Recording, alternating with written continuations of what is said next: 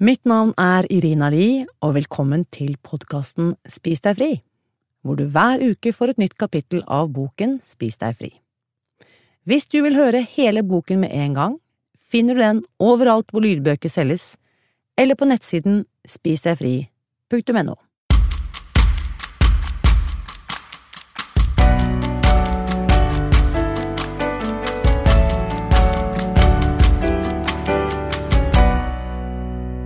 Kapittel 13 Hva om jeg bryter grensene? Du regner kanskje med at det ikke er et spørsmål om hvis, men når. Men jeg kjenner mange som har holdt på i 30 eller så lenge som 40 år uten noen gang å bryte sine bright lines, de fire grensene. Når du først har adoptert bright line eating som livsstil, er det absolutt ingen grunn til at du skulle bryte grensene. Aldri i det hele tatt. En dag om gangen, husk det. Dette poenget er det særdeles viktig for meg å understreke, for folk forstår ofte ikke i hvilken grad det er gjennomførbart å holde seg til kostholdsplanen år etter år uten avvik. Ikke fordi du er fanatiker, men fordi det virker. Husker du beskrivelsen i kapittel syv om inngrodde vaner som ikke tapper vår mentale energi, som for eksempel å pusse tennene to ganger om dagen, år etter år? Det er samme saken. Jeg vil faktisk gå litt nærmere inn på akkurat denne sammenligningen, for jeg synes den er illustrerende. Mange av oss pusser tennene to ganger om dagen, hver dag, og selv om jeg antar at alle mener det er en fornuftig vane, ser vi neppe på det som grunnlaget for vår egen lykke, helse og forstand. Vi innbiller oss heller ikke at det ville bli en stor tragedie hvis vi hoppet over tannpussen av og til. Likevel holder vi oss trofast til denne vanen morgen og kveld, dag etter dag fordi a. Vi tror det er bedre for oss å pusse tennene enn å ikke gjøre det, og b. Når vanen først er oppstått, er det lett å holde seg til den. Verdien av bright line eating går langt videre enn til god pust og sunt tannkjøtt. For mange vil det å holde seg til de faste vanene i denne livsformen føre med seg en kaskade av positive forandringer. Gjenstridige kilo som vi har båret på i flere tiår, smelter bort. Behovet for medisinering reduseres drastisk, energien blomstrer, kroniske helseproblemer forsvinner, selvtilliten vokser, hjerter fylles av en stille lykke. Private danseoppvisninger finner sted i prøverommene i klesbutikker, klesskap blir reorganisert, morgengry hilses med vid åpne, takknemlige øyne. Bak alt det positive går mange rundt med en frykt. En gnagende usikkerhet, eller enda verre, en lammende panikk, som går ut på at ett avvik fra Bright Line Eating-kostplanen kan forårsake at hele strukturen faller i grus og sender oss tilbake til startpunktet. Denne frykten, begrunnet eller ikke, rasjonell eller ikke, holder gaffelen vår unna enhver matbit som ikke er med i kostplanen. Vi vet at en tilfredsstillelse i øyeblikket ikke er verdt den risikoen. Vanene forbundet med Bright Line Eating blir altså like inngrodd som vanen med tannpuss, så det meste av den stø kursen får vi gratis. Det er så enkelt. Tidlig flyavgang om morgenen? Ingen bekymring. Posene med reiseniste er allerede forhåndsveid kvelden før og klare til å bli puttet i sekken. Bryllup på fredag? Best å ringe cateringfirmaet i dag og få oversikt over måltidet. Biltur? Gøy! Kjøleboksen er pakket. Brightline Eating-måltider ved piknikbord langs veien blir lagt opp for fire til seks timers kjøreetapper. Kombinasjonen av automatikk, boblende glede over den store helsegevinsten i vårt nye liv, og frykt ved tanken på å skulle gå tilbake til vår gamle tilværelse, holder oss på rett kurs.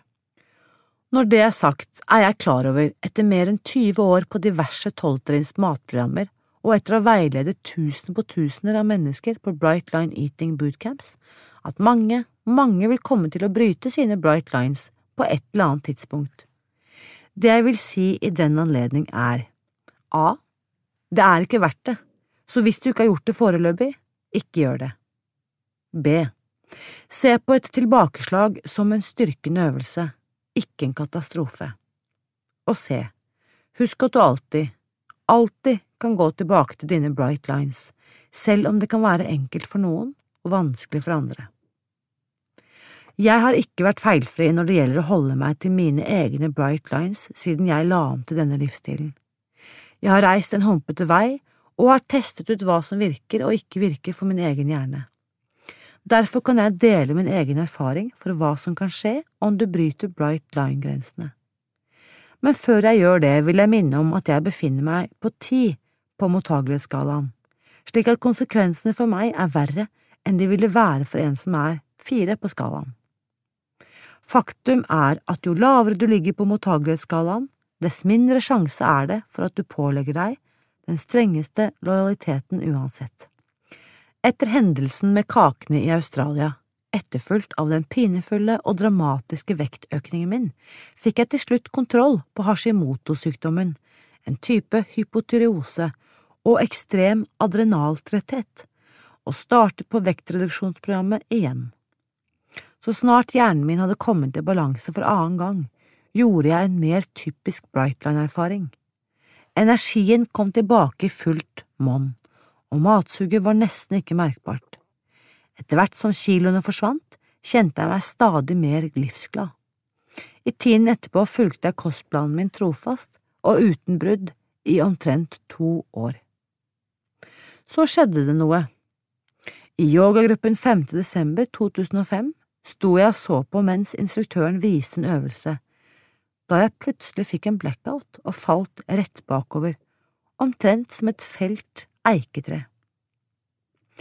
Da jeg lå på legevakten og fløt inn og ut av bevissthet ganske lenge, spurte jeg gjentatte ganger, hva skjedde, hvor er jeg?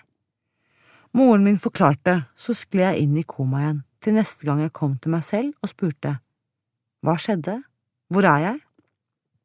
Hjernen min var under trykk. Midt oppi det hele gjentok jeg tydeligvis flere ganger for leger og pleiere og medhjelpere. Jeg er en avvent rusmisbruker, vær så snill, ikke gi meg noen drugs. Ifølge moren min og mannen min var jeg meget overbevisende, jeg sa det igjen og igjen. Dere må ikke gi meg sterke legemidler, jeg er en avvent rusmisbruker. Da jeg endelig kom til normal bevissthet igjen, var smertene rimeligvis sterke. Jeg sa til den første jeg fikk øye på, Jeg har så forferdelig vondt, hvorfor har dere ikke gitt meg noe for det? De svarte, Du sa at vi ikke måtte gjøre det. Og da sa jeg, Det er helt meningsløst, jeg har ombestemt meg. Dermed endte det med at de ga meg noe som kunne dempe smertene. Takk og lov for det. Da jeg kom ut av sykehuset, gjorde jeg noe helt merkelig. Jeg dro rett til supermarkedet og kjøpte utskeielsesmat masse mat å fråtse i. Mannen min var askegrå av sinne. Han hadde vært gjennom kvernen med meg og matavhengigheten min, hadde sett meg legge på meg all vekten, gå ned all vekten, legge på meg all vekten igjen i Australia, og til slutt gå ned den samme vekten igjen. På det tidspunktet hadde jeg lykkes i å avstå fra sukker og mel i to år, så tanken på at jeg skulle kaste alt sammen over bord og gå tilbake til å fråtse iskrem og pai, skremte vettet av ham. Da han spurte meg hva jeg mente jeg drev med, svarte jeg i stad, jeg er sulten, jeg trenger å spise, jeg skal spise, la meg være i fred. Ikke bare kjøpte jeg iskrem og pai, jeg kjøpte også sigaretter. Og de neste to og en halv ukene kjørte jeg en ren matorge og røykte sigaretter, non stop. Det var helt forferdelig. Så gikk jeg til den avtalte oppfølgingstimen hos hjernekirurgen. Hans første spørsmål var Har du problemer med impulskontroll? Jeg begynte å hulke. Det viste seg at da hodet mitt traff gulvet med stor kraft, fikk jeg ikke bare brudd i den nedre delen av hodeskallen, men hjernen min ble presset hardt bakover og så kastet forover. På tilbakeslaget traff den fronten av hodeskallen, og den er ru på innsiden, omtrent som et korallrev. Frontallappene ble skviset ganske hardt i slaget. De var oppsvulmet, immobilisert og i hovedsak ute av funksjon. Han sa, Den fremre delen av hjernebarken er sete for impulskontroll, dømmekraft og avgjørelser, og den er ubrukelig for deg akkurat nå. Hevelsen vil vare i ca. to uker til, før den går ned igjen, men når den gjør det, vil du finne at alle koblinger du har utviklet i de årene du har bygd opp gode vaner, fremdeles vil være der, du blir helt deg selv igjen, men akkurat nå kan du ikke nå frem til den delen av hjernen i det hele tatt. Jeg visste selvsagt hva den fremre delen av hjernebarken var, og alt sammen hørtes helt logisk og riktig ut. Det var en enorm lettelse. Ganske riktig, på dagen to uker etter legetimen sluttet jeg å spise som en matavhengig.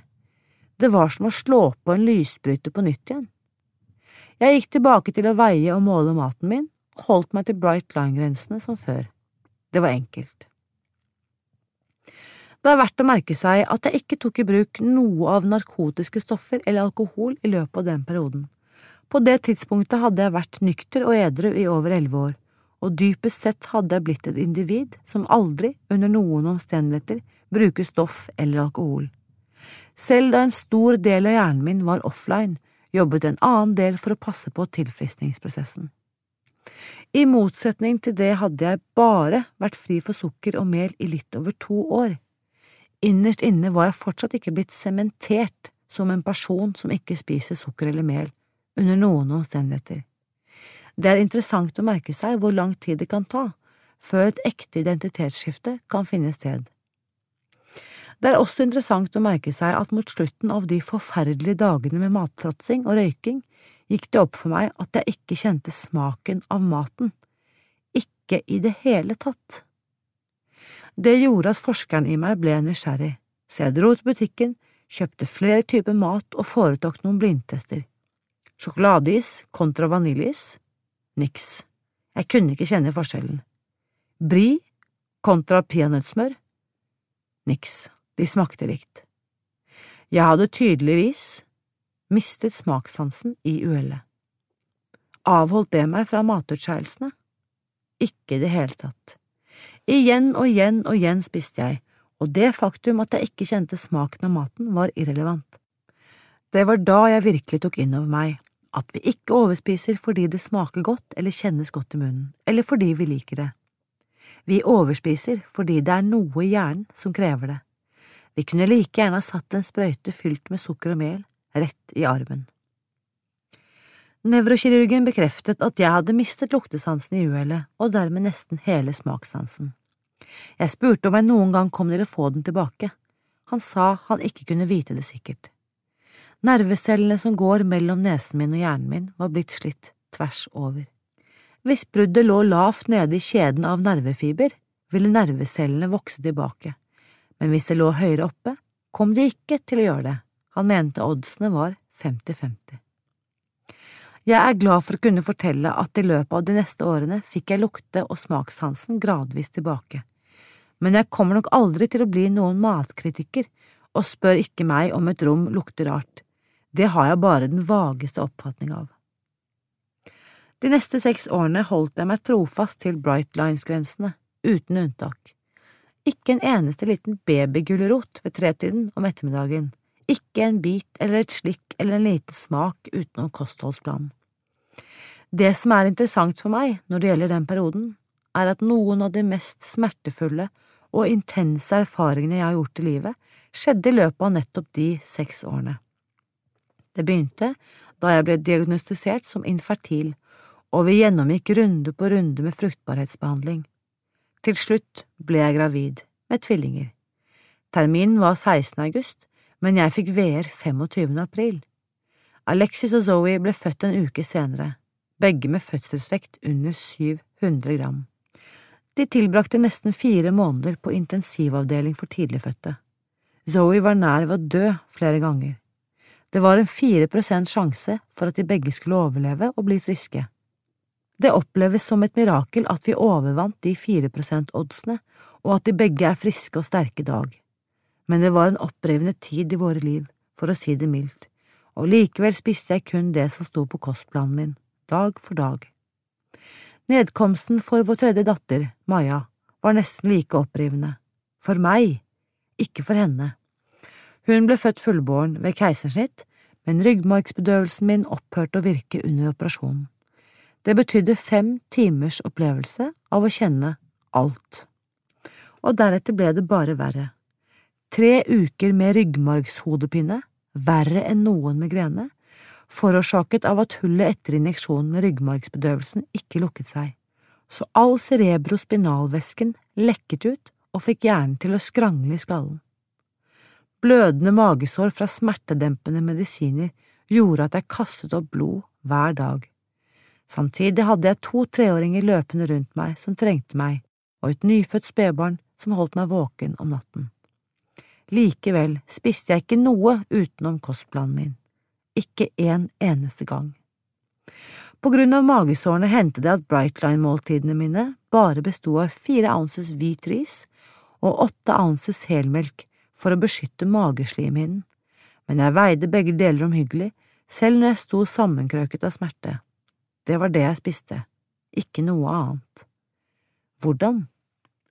Jeg hadde bygd opp et sterkt fundament. Jeg hadde de velkjente reserver i banken. Automatikken hadde full effekt, og hjernen min gjorde det den var lært opp til.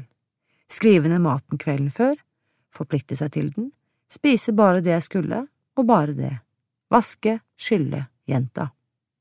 Ja, det er mulig å holde fast på Brightline-grenser år etter år, uansett hva livet har å by på for øvrig. Når vi bryter grensene, våre bright lines. For at du lettere skal forstå filosofien rundt det å bryte grensene i bright line eating, kan jeg gi deg litt bakgrunn fra slankeprogrammene jeg fulgte, og som senere dannet kjernen i bright line eating-konseptet.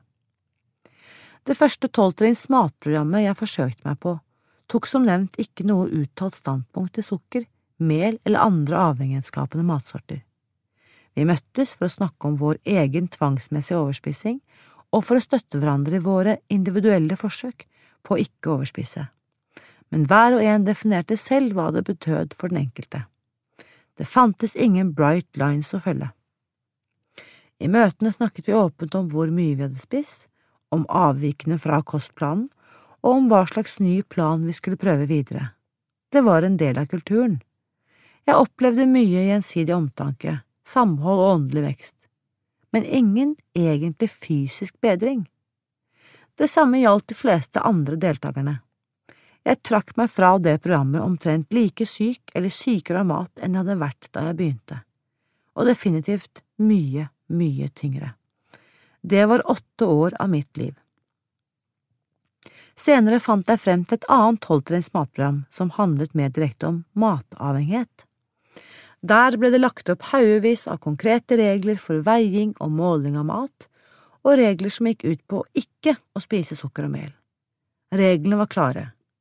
Så snart du brøt reglene, ble du utelukket fra å snakke i et møte i 90 dager. Du kunne ikke delta i praktisk tilrettelegging. Du måtte slutte som støttespiller, såkalt sponsor, for andre, og du ble utelukket fra arbeidsgruppen i tolvtrinnsprogrammet. Det strenge reglementet førte til at åpen samtale i gruppesamfunnet om hvordan det føltes å bryte grensene og så komme tilbake, forstummet helt. Jeg så deltakere som strevde med å holde seg innenfor reglementet, som endte lenger og lenger ute i skyggene, og som følte seg mer og mer marginalisert fordi de ikke lenger hadde en stemme. Jeg antar at de opplevde isolasjon skamfølelse og utestengelse. I Bright Line Eating skaper vi et miljø som forener det beste fra to verdener. Vi feirer styrken i vår felles forpliktelse til å respektere grensene, våre fire Bright Lines. En forpliktelse til ikke å gjøre unntak, til å være ustoppelige. Det gir oss den fysiske tilfriskningsprosessen vi søker etter, varig vekttap og strålende helse, samtidig som det gir oss mye frihet og lykke. Det er det som virker så merkelig for folk som ikke trenger bright line eating, at en klart definert struktur kan føre til så mye frihet. Samtidig forstår vi og verdsetter erfaringene vi gjør når noen opplever brudd på reglene, og vi ønsker dem velkommen som vil dele sine historier og opplevelser med gruppesamfunnet. Hvis du bryter avholdsreglene, isolerer vi deg ikke. Isteden tilbyr vi et engasjert støtteapparat som kan hjelpe deg tilbake på sporet. Andre har opplevd det samme, og de kan hjelpe deg å få tak i lærdommen i erfaringen du har gjort. Vi har funnet at det er mye styrke og innsikt, visdom og tilfriskning som skjer når vi fjerner all fordømmelse fra gruppesamfunnet og bare hyller kjærlighet, aksept og en dyp forpliktelse til den vekst som er under utvikling. De fire s-ene Tenk på all jojo-slankingen som foregår. Alle de som går ned massevis av kilo, og så snur seg rundt og legger dem på seg igjen. Det er én læresetning her. Det viktigste ved ethvert forsøk er hvordan du forholder deg når du bommer på målet. Det er en enorm forskjell på en vellykket, nyttig, tilpasset respons på et feilskjær og en mislykket, unyttig og feiltilpasset respons. Det utgjør forskjellen mellom å leve resten av livet som lykkelig slank og fri, og å trekke seg inn i skyggene for å fortsette å spise, med skamfølelse og nok et feilslag registrert i tapsloggen. Det er fire stikkord å merke seg når det gjelder å håndtere brutte grenser i Bright Line Eating på en måte som virker positivt, som er personlig tilpasset og som gir fornyet styrke. Det er de fire s-ene. 1. Snar reaksjon Det første er hvor snart vi kan komme i gang med det vi i Brightline Eating kaller resuming, og fokusere på nytt. Det er viktig ikke å bli offer for gi blaffen-effekten. Det er et uttrykk i psykologien rundt spiseproblemer og handler om det mentale fenomenet som inntreffer hos kroniske slankere når de har brutt dietten sin. Det er ikke uvanlig å tenke at ja ja, jeg kan like gjerne spise hva som helst siden jeg har brutt dietten likevel, jeg kan starte på nytt igjen på mandag. Eller jeg har spist én bit pizza, da kan jeg like gjerne spise hele pizzaen og et par liter iskrem i samme slengen. Jeg begynner på dietten igjen senere. Nei, la oss komme tilbake på sporet. Nå, straks. Ikke morgen tidlig, ikke mandag, ikke 1. januar. Nå. Snarlig handling. For å være ærlig må jeg medgi at ikke ethvert tidspunkt er riktig for resuming. Noen ganger er vi totalt prisgitt matavhengigheten vår og er rett og slett ikke villige eller i stand til å slutte å spise. Det er ok, men selv i slike øyeblikk kan vi rolig og kontrollert peile oss inn på å finne en åpning som tillater oss å hoppe inn på Bright Line-sporet igjen. Vi kan be en bønn om villighet, og vi kan sette i sving de tre andre s-ene. De vil bistå oss i å komme oss tilbake på rett kjøl. To. Selvtrøst Klarer vi å innta en kjærlig, trøstende tone når vi snakker med oss selv? Istedenfor å piske oss selv med bebreidelser kan vi prøve å vise omsorg for oss selv, slik vi ville gjort for en venn som søker støtte i en krise. Bruk samme tone overfor deg selv som du ville brukt overfor en venn som nettopp har falt og vrikket ankelen. Du ville sørget for at hun fikk hjelp, ville passet på at hun hvilte og tok livet med ro. Et eksempel på en støttende tanke ville være Jeg spiste nettopp en masse sukker, så jeg vet at jeg kommer til å tenke veldig negativt og irrasjonelt i et par dager, kanskje tre. Hodet mitt kommer til å prøve å få meg helt desperat. Ingen spiral her. Skam over å spise fører til overspising. Vær heller forsiktig, omsorgsfull og oppmuntrende. Du er ikke noen dårlig person, du har bare en hjerne som ikke fungerer helt optimalt. 3. Sosial støtte Min erfaring tilsier at det første som dukker opp i hodet etter å ha brutt en grense, er et sterkt ønske om å isolere seg. Det blir som ikke å rekke ut hånden til andre. Du ønsker bare å gjemme deg, spise og håndtere situasjonen alene. Men det er ingen god idé. Skam trives i stillheten. Det mest effektive du kan gjøre om du har brutt en grense, er å rekke ut en hånd til andre som holder på med Bright Line Eating, og som deltar på denne reisen sammen med deg.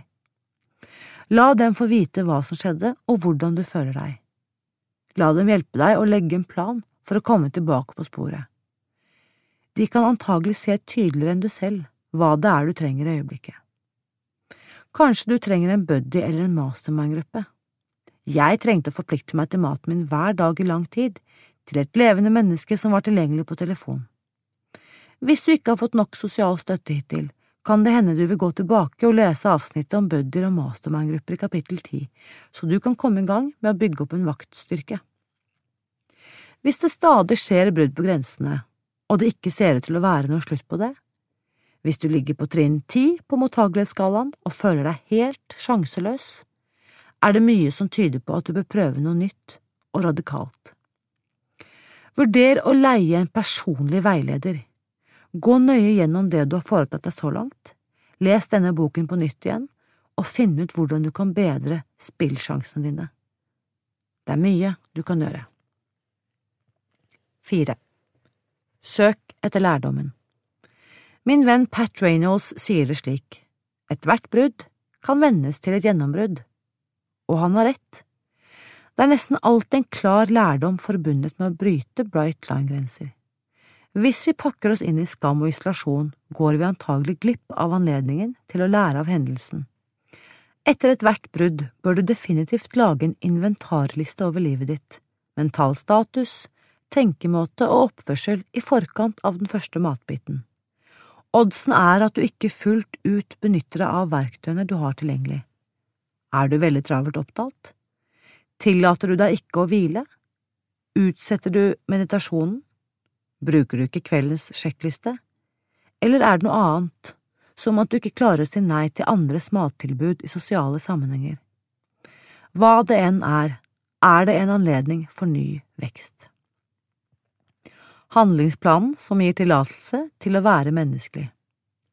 Det er en handlingsplan i form av ti spørsmål som vil hjelpe deg å finne muligheten til læring og vekst etter at du har brutt bright line-grenser. Den vil også ha en positiv, dempende effekt på negative tanker som kan dukke opp i kjølvannet av et brudd. De ti spørsmålene finnes bak i boken i avsnittet Nyttige hjelpemidler. Du som lytter til denne boken, kan finne denne på nettsiden www.spisdegfri.no skråstrek lydbok. Jeg tror du vil oppleve denne innfallsvinkelen som en fornyet forpliktelsesprosess og jeg oppmuntrer deg til å oppbevare skjema sammen med handlingsplanen for nødsituasjoner eller et annet sted der du alltid har det for hånden, selv om det betyr å skrive det ned og brette det sammen i lommeboken eller almanakken din. Jeg vil gjerne at du skal kunne finne det frem i et selskap eller en annen sosial situasjon. Unnskyld deg å gå på badet eller toalettet og gå gjennom spørsmålene i hodet. Men jeg anbefaler også at du om mulig bør finne et privat sted der du kan sitte ned og skrive ned svarene dine på de ti spørsmålene. Å skrive svarene med håndskrift gjør hele forskjellen. Du kan også poste svarene dine til det nettbaserte støttesamfunnet. Jeg er sikker på at andre ville få stort utbytte av erfaringene dine, og vi vil veldig gjerne støtte opp om deg under den nye forpliktelsen din. Jeg vil gjerne avslutte dette kapitlet ved å si at det er en sammenhengende utvikling i det å holde fast ved de fire grensene. Å holde seg til sine bright lines fra dag én er det jeg forholder meg til, feirer og gjør ære på. I det øyeblikket jeg sluttet å drikke og bruke narkotiske stoffer, forpliktet jeg meg til å holde fast ved mine bright lines. Og så, ved den andre enden av denne sammenhengende utviklingen, ble det strev og problemer med å få selv to bright line eating-dager til å henge sammen. Jeg forholder meg til det også.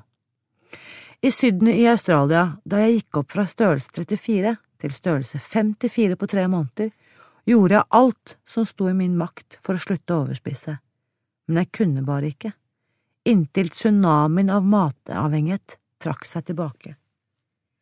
Det krevde det som det krevde.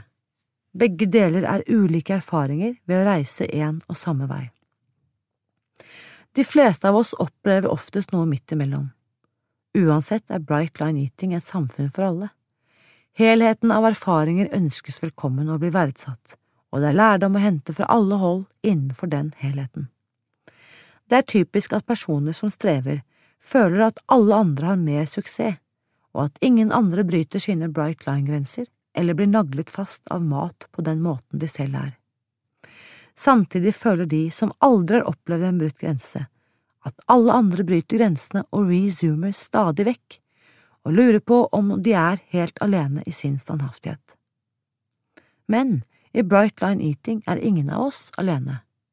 Faktum er at enhver mulig omstilling innenfor Bright Line Eating oppleves til fulle hver dag av hundrevis, om ikke tusenvis av mennesker. Men hvis du er i gang med Bright Line Eating og det går bra, vern om det. Sabotøren din kommer til å prøve å overbevise deg om å gjøre et unntak fra tid til annen. Ikke fall for det. Veien er såpeglatt og pinefull. Kjennskapet til resuming som en mulig utvei bør absolutt ikke brukes som en unnskyldning for å ta en liten avstikker fra bright line-grensene, og så prøve å komme tilbake på sporet like etterpå. Det fungerer ikke slik. Det første som skjer når du bryter bright line-grensene, er at friheten din umiddelbart fordufter, og derfra går det nedoverbakke. Du ønsker ikke å leve et liv fullt av drama og kvaler forbundet med brudd og resuming. Grunnen til at vi holder Brightline-grensene i ære og forplikter oss til å leve innenfor dem, er at konsekvens, sammenheng og struktur gjør oss lykkelige, slanke og frie.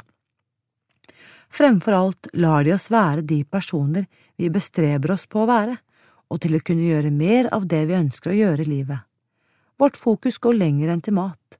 Vi blir personlig engasjert i verden for øvrig. Det er det vi alle vil at livet vårt skal handle om. Når det er sagt, hvis du har lest dette avsnittet etter å ha brutt bright line-grensene dine, vær ikke redd. Jeg vil du skal vite at du kan komme tilbake og at livet, som lykkelig, slank og fri, fremdeles er tilgjengelig for deg. Det er fordi i bright line eating er vi ikke kalt til å være perfekte, vi er kalt til å være ustoppelige. Historier fra virkeligheten Marianne Sæbø, 43 år, fra Oslo Digital manager Sommeren 2017 Mannen min hadde akkurat fullført strålebehandling for kreft. Han, som aldri hadde vært sykemeldt en eneste dag, som aldri hadde vært overvektig, og som syklet jobb hver dag. Et av de sprekeste menneskene jeg kjenner, var blitt skikkelig dårlig. Jeg så hvordan han strevde med å få i seg livsviktig næring etter behandlingen. Skammen over at jeg ikke maktet å ta tak i min egen helse og min egen overvekt, vokste. Angsten også. Jeg ville jo leve et langt og innholdsrikt liv, være et godt forbilde for barna, ha energi og overskudd. Hvorfor fikk jeg det ikke til? Hvorfor klarte jeg alt bortsett fra å gå ned i vekt. Hvorfor hadde jeg ikke viljestyrke nok til å klare det? Kunnskapen hadde jeg jo, jeg hadde i utgangspunktet det jeg trengte for å klare det. Jeg skammet meg dypt over at selv ikke to friske barn og en syk mann var motivasjon nok for meg til å kunne ta meg sammen og få orden på vektproblemene mine. Til tross for at jeg var i kategori to for fedme på BMI-skalaen, hadde jeg utrolig nok ikke fått noen helsemessige konsekvenser i form av høyt blodsukker, høyt blodtrykk eller lignende på dette tidspunktet.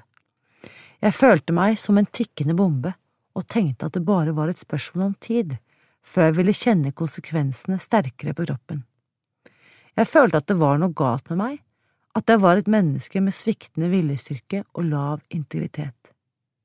Jeg tok meg selv i å ønske at jeg fikk en eller annen diagnose slik at jeg kunne få et spark bak, gå ned i vekt og bli der. Det var jo bare så enkelt som å bevege seg mer og spise mindre enn man forbruker, helst små, hyppige måltider. Men jeg har gått opp og ned de samme kiloene et utall ganger. Jeg har forsøkt de fleste slankekurer og dietter som er tilgjengelige, og har brukt mye penger på kurs, PT, trening, pulsklokker, skrittellere, kurer og bøker alt til ingen nytte. I over 20 år har jeg hver eneste dag brukt utenkelig mye energi på hva jeg har spist, hva jeg burde ha spist, og hva jeg skal spise fremover. Alltid fra og med neste mandag, selvfølgelig. Jeg har bebreidet meg for min sviktende viljestyrke, mine mange mislykkede forsøk og mine manglende resultater. Så tilbake til sommeren 2017. Etter at mann og barn hadde sovnet, satt jeg og undersøkte kostnadene ved slankeoperasjon, og leste alt jeg kom over om bivirkninger og andres erfaringer. Det var rett og slett det eneste alternativet som sto igjen på listen min. På grunn av kostnadene og risikoen for bivirkninger bestemte jeg meg imidlertid for å først gi meg selv et siste år til å få orden på vekten på egen hånd.